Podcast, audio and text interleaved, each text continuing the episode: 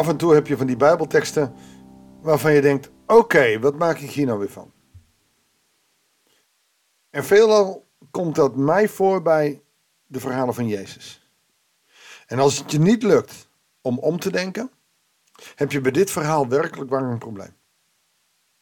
Het gaat over rijkdom en gerechtigheid, over een rechtvaardige uh, rentmeester of een onrechtvaardige rentmeester. En we moeten het kritisch lezen om te kijken wat Jezus hier nou wil. Maar ik kan je al één ding verklappen. Je moet wel omdenken. Goeiedag, hartelijk welkom bij een nieuwe uitzending van het Bijbels Dagboek. We lezen nu een paar dagen, tenminste voor ons één dag, want uh, de andere twee zijn weer in het weekend. Um, uit Lucas 16. En ik daag je uit, omdenkend dit weekend, uh, de rest van het hoofdstuk ook te lezen. Maar we doen Lucas 16, vers 1 tot en met 9. Hij richtte zich tot zijn leerlingen. Maar vermoedelijk zijn de fariseeën erbij.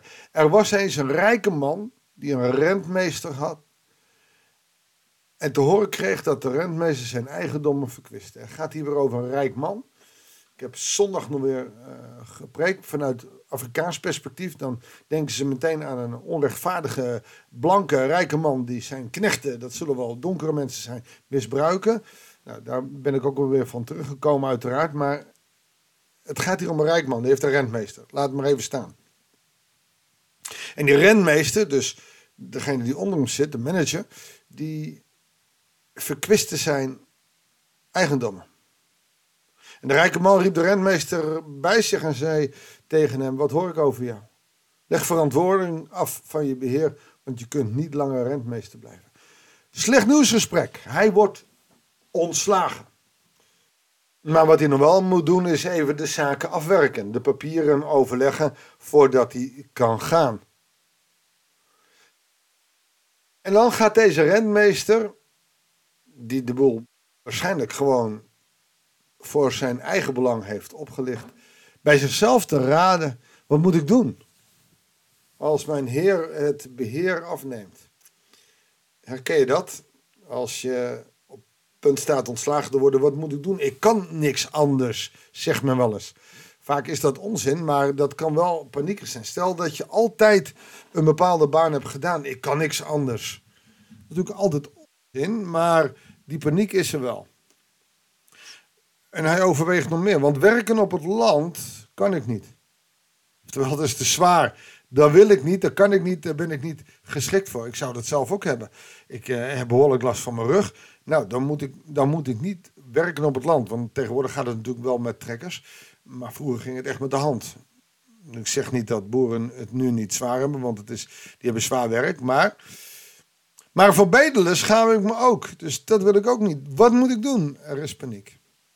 Maar ik weet al wat ik moet doen om ervoor te zorgen dat de mensen, wanneer ik mijn beheerderstaak ben ontheven, mij bij hen thuis ontvangen. Oftewel, ik moet vrienden maken. Ik moet een netwerk opbouwen. En hier komt het kromme. Eén voor één riep hij de schuldenaars van zijn heer bij zich. En de eerste vroeg, hoeveel bent u mijn heer schuldig? Honderd vaten olijfolie antwoordde de schuldenaar. En de rentmeester zei tegen hem: Hier is een schuldbewijs, ga zitten en maak er gauw vijftig van. Daarna vroeg hij aan de volgende schuldenaar: En u, hoeveel bent u schuldig? Honderd balen graan, luidde het antwoord. En de rentmeester zei: Hier is een schuldbewijs, maak er tachtig van. En de heer prees de oneerlijke rentmeester omdat hij slim had gehandeld. En daar zit de crux. Feitelijk gaat deze renmeester, die voorheen waarschijnlijk in eigen belang, steelt hij nu als het ware van zijn meester. Want 50 vaten olie of 100 vaten olie, dat is nogal een bron van inkomsten. Uh, dat andere, hè, de balen graan, nou, klaarblijkelijk is dat dus iets voordeliger. Dus die mochten 20 afschrijven. En dat doet hij om in een goed vaarwater te komen bij, bij die schuldenaars. Zodat hij daar kan aankloppen. Want die kunnen dan zeggen: hé, hey, jij, jij hebt mij gemat. Alleen de Heer wordt hier bestolen. En dan krijg je vers 8, en daar gaat het vreemd worden. De Heer dus die rijke man, prees de oneerlijke rentmeester omdat hij slim had gehandeld. En dat is natuurlijk vreemd. Want deze heer, hè, als je ook God daarmee bedoelt, die zou weten dat hij uh, bestolen was. Maar toch geeft hij een compliment aan de rentmeester.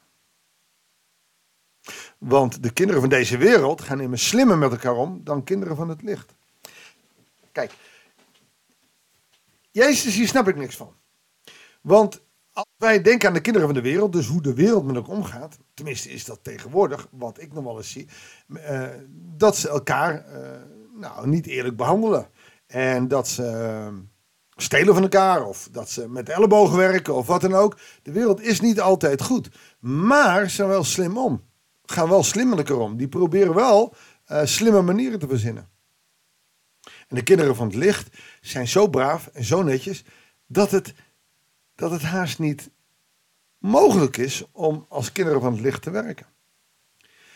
Zegt Jezus hier nou van, uh, je moet iemand anders een loer draaien?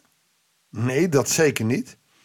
Maar sluwheid mag bij de kinderen van het licht horen. Oftewel, je mag een zakenman zijn die op een slimme manier niet een bedriegelijke manier, maar een slimme manier handelt. Je hoeft niet braaf voor te doen en zeggen: Nou ja, dit product is precies dit. Ik hoef er maar 1 euro van, want jij, ik mag jou niks vragen. Nee, je mag op een slimme manier handel bedrijven. Als het maar eerlijk is. En dan zegt hij er nog achteraan: Ook ik zeg jullie, maak vrienden met de behulp van de valse mammon. Oftewel, weet je, zorg maar dat je in de wereld komt. Waarom? Omdat jullie in de eeuwige tenten worden opgenomen wanneer de mammon er niet meer is. Maak gebruik van de wereld. Hij zegt, word niet wereldgelijkvormig. Dat zei Paulus ook.